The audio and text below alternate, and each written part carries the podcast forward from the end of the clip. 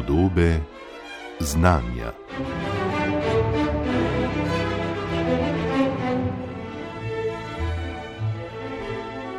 Sodobne družbe se danes srečujejo s številnimi problemi in izzivi, od podnebno-ekološke krize, širokega uvajanja tehnologij umetne inteligence do naglega širjenja vse bolj negotovih oblik dela, če naštejem le nekaj med seboj zelo raznolikih primerov. A vse bolj jasno se kaže, da rešitve, ki so bile nekdaj v drugačnih družbenih pogojih učinkovite, danes pogosto ne zadoščajo več. Potrebno je iskati nove odgovore ali prilagoditi stare. Ljudje so se pravzaprav skozi vso zgodovino na vsakokratne pogoje in omejitve odzivali z iskanjem novih pristopov oziroma z novimi reinterpretacijami že poznanih načinov delovanja, povezovanja, vzpostavljanja skupnosti. Govorimo o socialnih oziroma družbenih inovacijah. Gre za pojem, ki je pri nas sorazmerno spregledan, čeprav nam njegova konkretna vsebina nikakor ni neznana. Sem lahko namreč prištejemo celo paleto različnih pristopov, od socialnih podjetij do najrazličnejših novih oblik organiziranja in družbene participacije. Kako socialne inovacije nagovarjajo sodobni družbeni trenutek in kaj lahko ponudijo, bomo v tokratnih podobah znanja preverili v pogovoru s sociologinjo dr. Srno Mandič z Centra za proučevanje družbene blaginje na Fakulteti za družbene vede Univerze v Ljubljani. Doktorica Srna Mandič, lepo pozdravljeni. Dobro dan.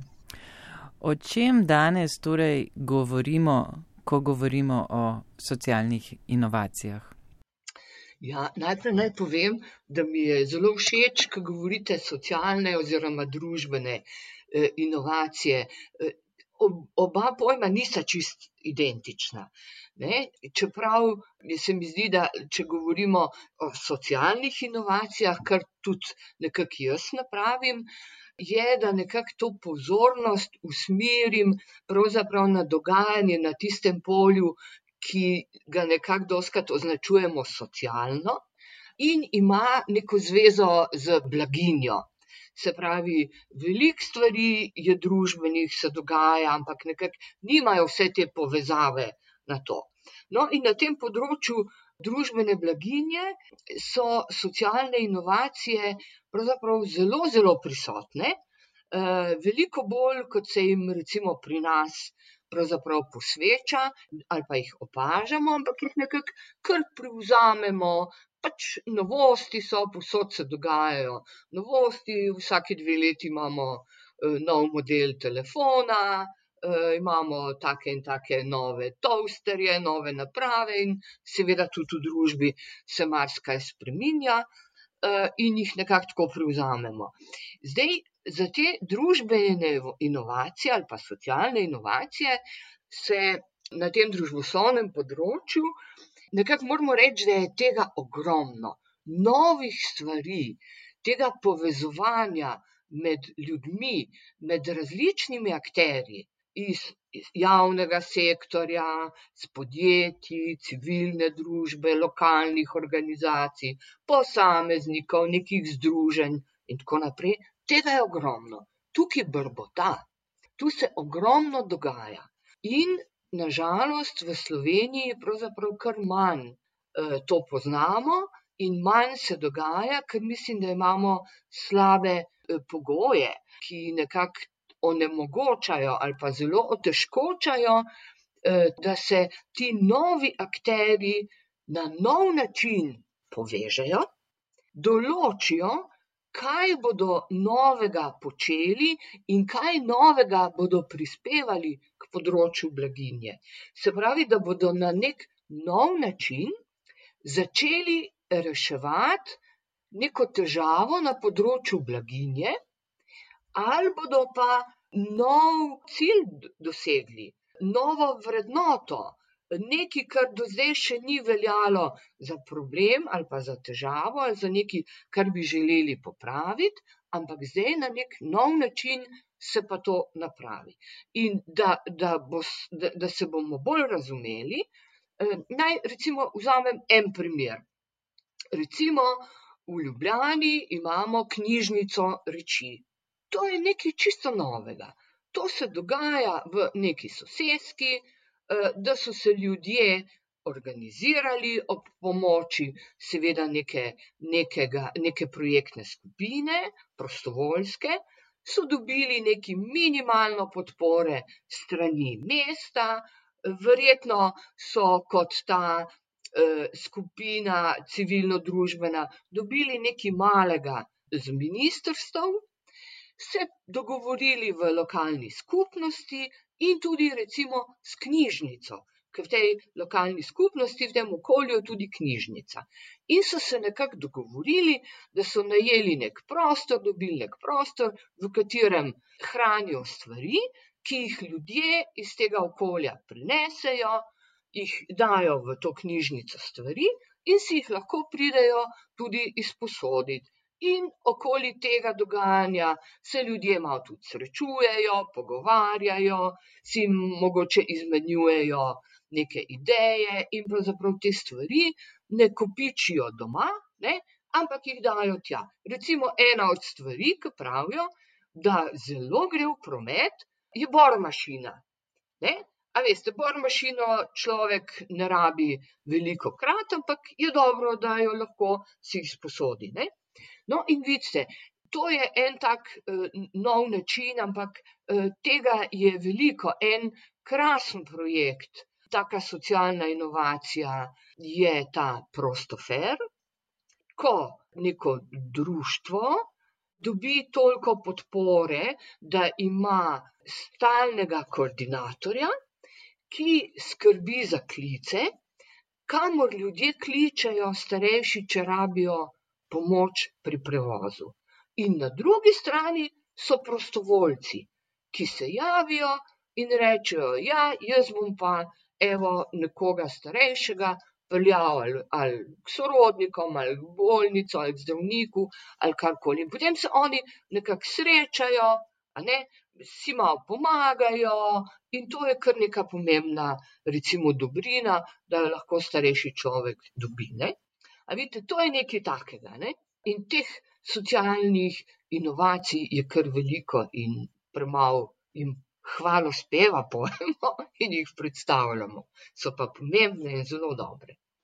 Eh, vsekakor je iz tega, kar ste povedali, doktorica Srna Mandic, zelo jasno, da pravzaprav te socialne inovacije torej, eh, ciljajo na, na torej, to področje družbene blaginje. Ne?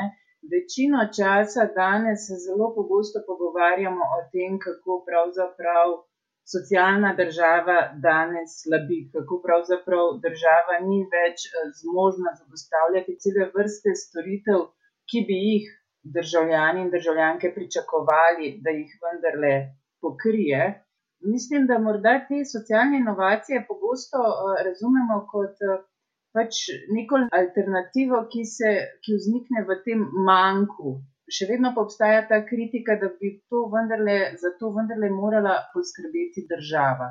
V kakšnem odnosu bi po vašem pogledu morali biti te socialne um, inovacije, glede na vse ostale, konec koncev imamo veliko državnih institucij, ki naj bi marsikdaj opravljala um, podobna, podobne naloge.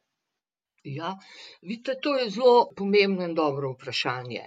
In uh, zelo enostavno povedano, nikakor ne smemo tega razumeti, socialnih inovacij, kot nadomestka za to, kar mora država, blaginje ali pa socialna država opraviti. To so popolnoma različne stvari. Socialna država ima, ali pa recimo država blaginje, to sta sinonima praktično, eh, a veste, nad njo imamo nek političen nadzor kot državljani in država je odgovorna za to, da svojemu prebivalstvu zagotavlja neko raven na različnih področjih blaginje po nacionalnih programih, po standardih in tako naprej.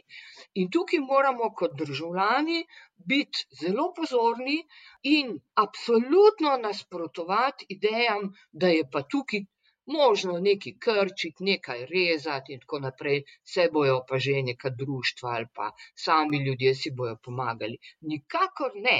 Ne morejo si ljudje sami pomagati zato, ker država zbira ogromno sredstev, ima ogromno strokovnjakov in lahko na neke mreže, lahko ustanavlja neke mreže in skrbi, da je populacija pokrita, a veste, enakomerno. Skrbi za to, da so recimo neke ranljive skupine, niso marginalizirane, niso izpuščene, da to ni stvar naključja. Medtem, ko so pa te socialne inovacije, nekaj povsem drugega. To je pa področje, kjer se ljudje samo inicijativno, zato ker imajo voljo, zato ker imajo veselje, zato ker imajo znanje, mogoče ker čutijo poslanstvo, mogoče tudi zato, ker enostavno vidijo, da bojo na ta način si lahko boljš pomagali. Ne? Ustanovijo in začnejo izvajati take programe, ki so z vidika, recimo, cele države, pravzaprav povsem naključni. V enem okolju se recimo knjižnica reči vzpostavi, ampak v spodnjih bučkovcih ne moremo računati na to, da se bo tudi taka knjižnica reči izpostavila. Zato, ker so socialne inovacije, pravimo mi, emergentne. Vzniknejo in vzpostavijo se tam in takrat, ko je volja, ko je inicijativa ljudi in ko imajo pogoje za to. In so nekako lokalno omejene. Veste, in se jih ne da, so tudi pravimo, da so vraščene v to lokalno okolje. Kot smo videli, ta knjižnica reči je, je nekako vraščena v tisto sosesko, eh, v tisto knjižnic, knjižnica je pomembna, ki tam je, to društvo, ki je nekako lokalno prisotno ne? in je nekako povezana s temi lokalnimi akterji, ki jo podpirajo in zato to tam obstaja. In hkrati je treba povedati, da v sodobnih družbah se če dalje več stvari na področju blaginje izboljšuje na ta način. In zdaj nekatere od teh inovacij lahko prerastejo, se pokažejo kot tako dobre, da jih lahko osvoji recimo tudi socialna politika, ne?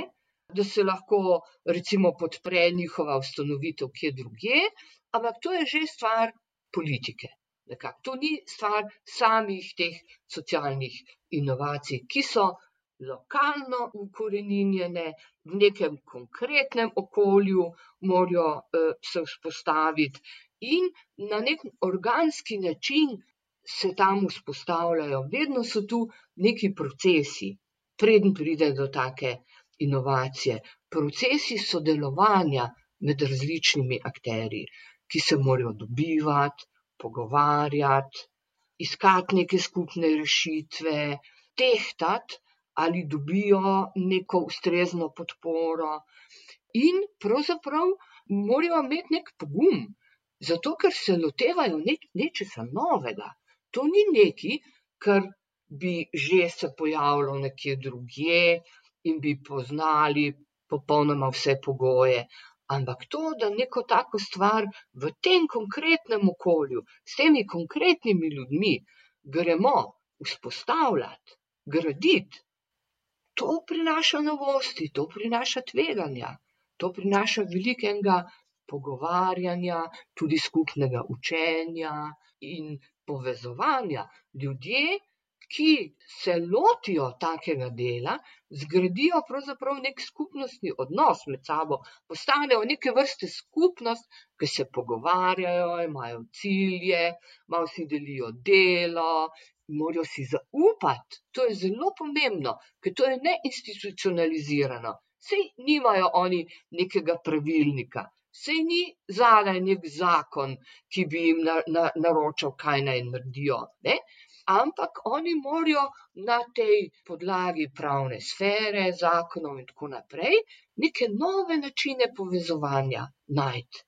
In veste, tukaj je v bistvu družba, se pokaže kot neka tvorba ki omogoča zelo veliko stvari kot samo organizacijo ljudi, kot samo aktivacijo. Ne? Tega imamo v Sloveniji pravzaprav premalo, ker nekako v, naši, v našem dis diskurzu je veliko tega, da smo vsi zelo pametni in vsi zelo vemo, kaj bi moralo ministrstvo narediti, kaj bi moral en center za socialno delo narediti, kaj bi moral ta organ narediti, da ne govorimo o strankah, in kaj bi moral ta poslanec narediti, pa tako, in kakšen zakon bi bilo treba sprejeti. Tako na ta način eh, ne gledamo pa na to, kako se bi pa lahko pravzaprav mi v nekem mikrookolju, v manjših skupinah, na lokalni ravni povezovali in nekako skupaj si izboljševali življenje.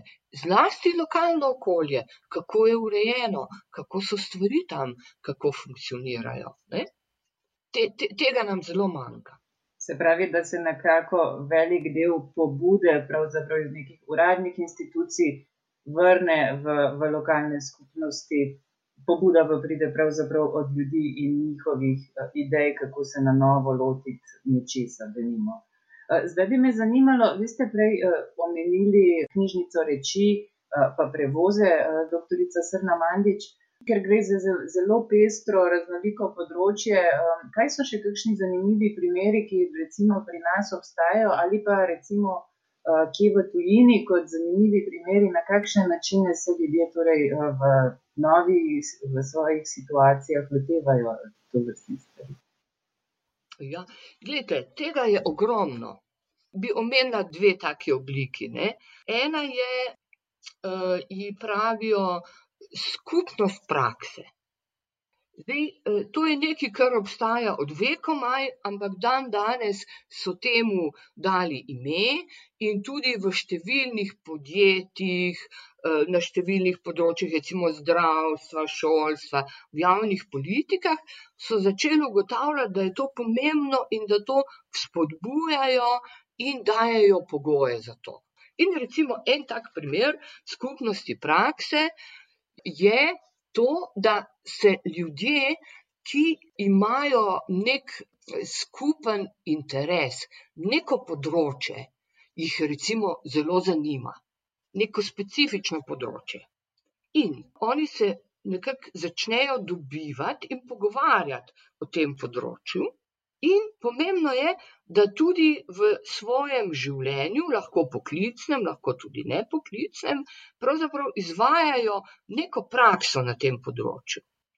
In zdaj, ko se oni dobivajo, se pogovarjajo o teh stvareh, si izmenjujejo izkušnje. Recimo en tak primer, pa zveni banalno, ampak so recimo medicinske sestre, eh, ki recimo so eh, na področju, eh, v, neki kliniki, ki dela neke recimo posebne operacije, recimo plastične operacije, se te medicinske sestre recimo dobivajo redno, recimo pri kosilu ali pa tudi mimo tega in se pogovarjajo o tem, kaj se jim je zgodilo, kakšne pacijente imajo, kakšne težave imajo ti pacijenti, kako so jim pomagale rešiti, si to izmenjujejo.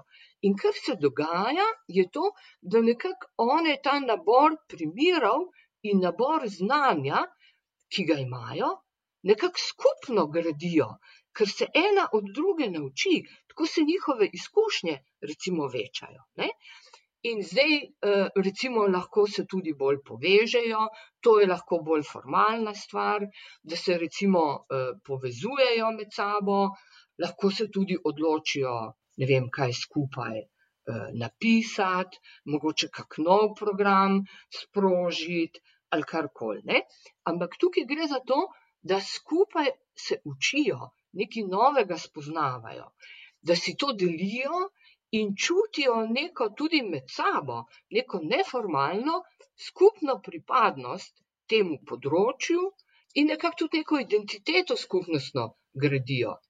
Si pomagajo, se podpirajo in to je zelo, zelo pomembno. A veste, si predstavljate, če se človek vse čas mora sam spopadati z vsemi izzivi in ne vem kaj. Je veliko lažje, če to v neki skupini naredi. Se pravi, ima tudi neko to čustveno povezovalno komponento, taka skupnost prakse. Ne? Recimo po gospodarskih podjetjih to zelo podpirajo, da se ljudje dobivajo, diskutirajo. In pomembno je, da imajo prostor in da imajo čas. In ravno, recimo, ta eh, poslovni sektor je ugotovil, da je to zelo pomembno, da se jim splača omogočati te stvari. Imajo celo menedžerje, ki nekako poskušajo to inicirati, podpirati in tako naprej. Eh, to je na tej mikroravni, na, na manjši ravni. Ne? In recimo v javnem sektorju je zelo pomembna javna, eh, vloga javnega sektorja lahko tudi to, da omogoča, da spodbuja nekak nastanek takih skupin, kjer si bojo oni izmenjevali uh, mnenja in tako naprej. Ne? In tu nastajajo nove oblike znanja, nove oblike sodelovanja, ki so izredno pomembne. Veste, iz tega se družba in razvoj napaja. In tako v gospodarskem, kot tudi v družbenem, in tudi v političnem, na koncu političnem cilju. Zdaj, eno takih novosti socialnih inovacij, za katero je meni neskončno žal, da je Slovenija absolutno zamudila in zamočila to priložnost in nažalost pokazala, da nima razumevanja za to, so tako imenovani življenjski laboratorij. To je en gromozanski program, ki ga je Evropska unija financirala in ga še skozi raziskovalne programe in specializirane in ta Horizon, ki je v smislu inovacij, inovativnosti, družbenih inovacij. In so definirali v bistvu te življenjske laboratorije, kot neka konkretna življenjska okolja, lahko je sosedska, lahko je občina, lahko je tudi kaj drugega, v katerem se naj povežejo med sabo strokovnjaki, gospodarstvo, politika, civilno-družbene organizacije, lokalna skupnost, posamezniki in definirajo, na nekem področju, ampak to ne pride zlahka, to, na tem je treba delati, da se najdejo neke teme, neka vprašanja, kjer bi uporabniki, ljudje na tem področju, potrebovali neke inovacije, bi jim koristile, bi jih uporabljali, bi na ta način bolje obladovali svoje okolje, probleme ali osamljenosti, prevoza, ekologije, dostopa do stanovanj, marginalnih skupin, cel kup teh možnih stvari, je, in eh, bi neposredno sodelovali pri tem z gospodarstvom, ki je podjetje, ki je za to zainteresirano, z raziskovalci, ki v bistvu suportirajo, podpirajo in inovacije, razvijanje teh potreb in kako se te potrebe v bistvu prilagajajo prebivalstvu, kako se prebivalstvo na njih odziva, to je treba ugotavljati, to so procesi, to ni samo od sebe jasno, kaj, da se to zgodi. In recimo v Evropi, ki sem jaz na zadnje to raziskovala, je obstajalo 440 takih življenjskih laboratorijev. V Sloveniji je bil en sam življenjski laboratorij, ki se je nekako priključil temu, ampak v bistvu bolj formalno, zelo gospodarsko, zelo podjetniško na področju informacijske tehnologije. In ko sem šla gledat naše razvojne dokumente, ki bi lahko to podpirali in s katerimi se nekako ta inovacijska tehnologija prenese lahko v naše politike in podpre. Ker sem šla to gledat, eh, sem videla, da so bili programi sprejeti in finance, ampak samo in izključno za povezavo gospodarstva in raziskovanja, ne pa civilno-družbenih organizacij. te so bile izključene. In civilno-družbene organizacije so prav tiste, ki so na področju blaginje, ne? a veste, lahko nek katalizator, nek spremljevalc, pospeševalc artikuliranja težav skupnosti. In jim je bilo onemogočeno, niso mogli kandidirati za ta sredstva. Se pravi, že tukaj smo imeli nekako sistematično izrinjene civilno-družbene organizacije in njihov vpliv na možnost razvoja naše družbe. Zdaj, povedno je, ne, da so torej sodelovali z vidika gospodarstva in raziskovanja. Ne. Zelo dobro vemo v znanosti in raziskovanju, da so prav ta neformalna srečanja, druženja, izmenjava mnen, znanja, idej, tisto, kar ponavadi potem pripelje do neke nove ideje, nove rešitve. In to več kot očitno danes vejo že številna um, podjetja, ki skušajo tudi pač, um, delati na svoji lastni inovativnosti in tako naprej. Uh, zdaj, velik del tega, kar ste prej povedali o tem neformalnem izmenjevanju idej in znanja, pravzaprav človeštvo pozna tako rekoč verjetno od nekdaj, kaj ne. Mislim to, da se dobimo skupaj in predebatiramo in dobimo nove ideje in no, nove perspektive na svoj problem, to je vedno bilo dragoceno, tudi razno razna združenja, krožke in kar je tega, tako rekoč, poznamo. Ne? Skratka, zdi se, kot da pravzaprav skušamo v danem trenutku pridobiti nazaj ta nek prostor za socialno izmenjavo mnen, dobiti nazaj prostor, ki ga danes vse bolj tudi primankuje, časa, prostora, možnosti, pravzaprav, da to nekaj premislimo, ker nekako uh, nam niso dani. Um, več tako zlahka ti, ti okviri kot nekdaj. Pa me bi še proti koncu pač zanimalo, na kakšen način danes torej to vrstne socialne inovacije zgrabijo te ključne, ključne probleme današnjega trenutka, prav s tem, da nekako preusmirijo način, kako kot družba funkcioniramo in rešujemo probleme, kajti vemo, da jih imamo veliko. Ja, veste, slovenska družba na tem področju v zadnjih 30 letih je v bistvu nazadovala. Zato, ker so se področja in prostori kolektivnega srečevanja in kolektivnega reševanja problemov skrčili. Zato, ker so se pravzaprav neki te področja, prostori družabnosti, srečevanja, Eh, ki so bili v prejšnji državi razviti in jih je seveda prejšnji sistem uporabljal, so bili potem skupaj s tem sistemom odpravljeni.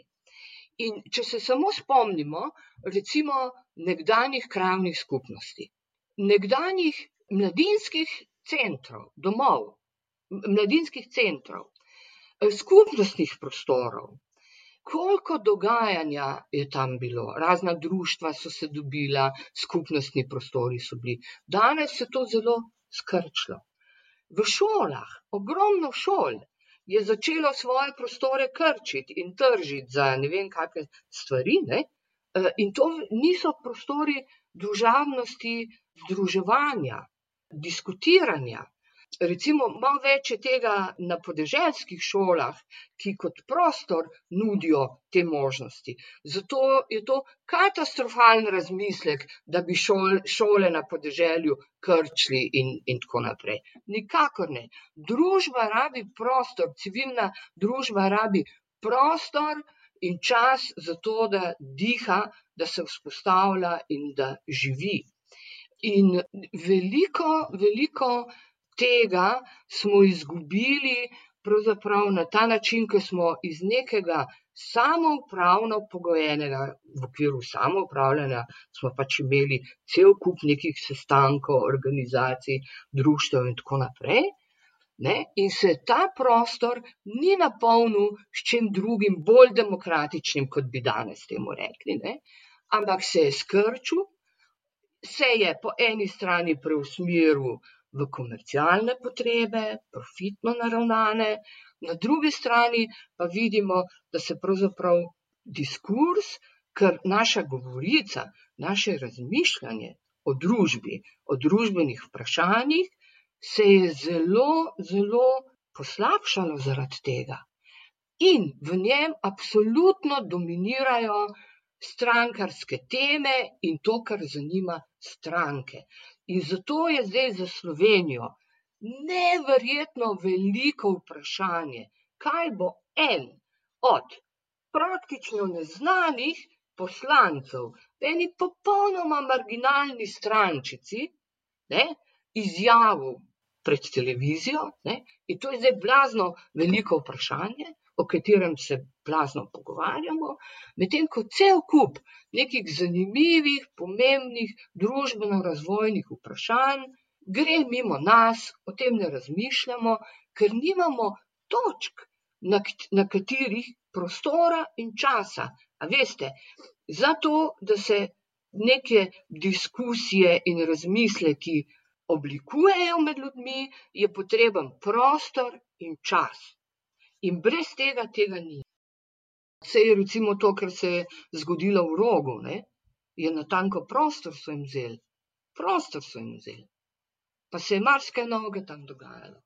Vsekakor očitno si bomo morali eh, sami v danih okoliščinah vzeti ta čas in prostor in poiskati nove načine, kako iskati rešitev. Najlepša hvala za tale pogovor, doktorica Srna Mandič in pozdrav. Podobe znanja.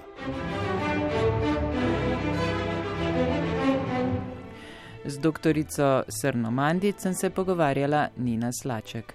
Vabljeni, da oddaji podobe znanja prisluhnete tudi na spletni strani programa Ars ali jo poiščete med podcasti.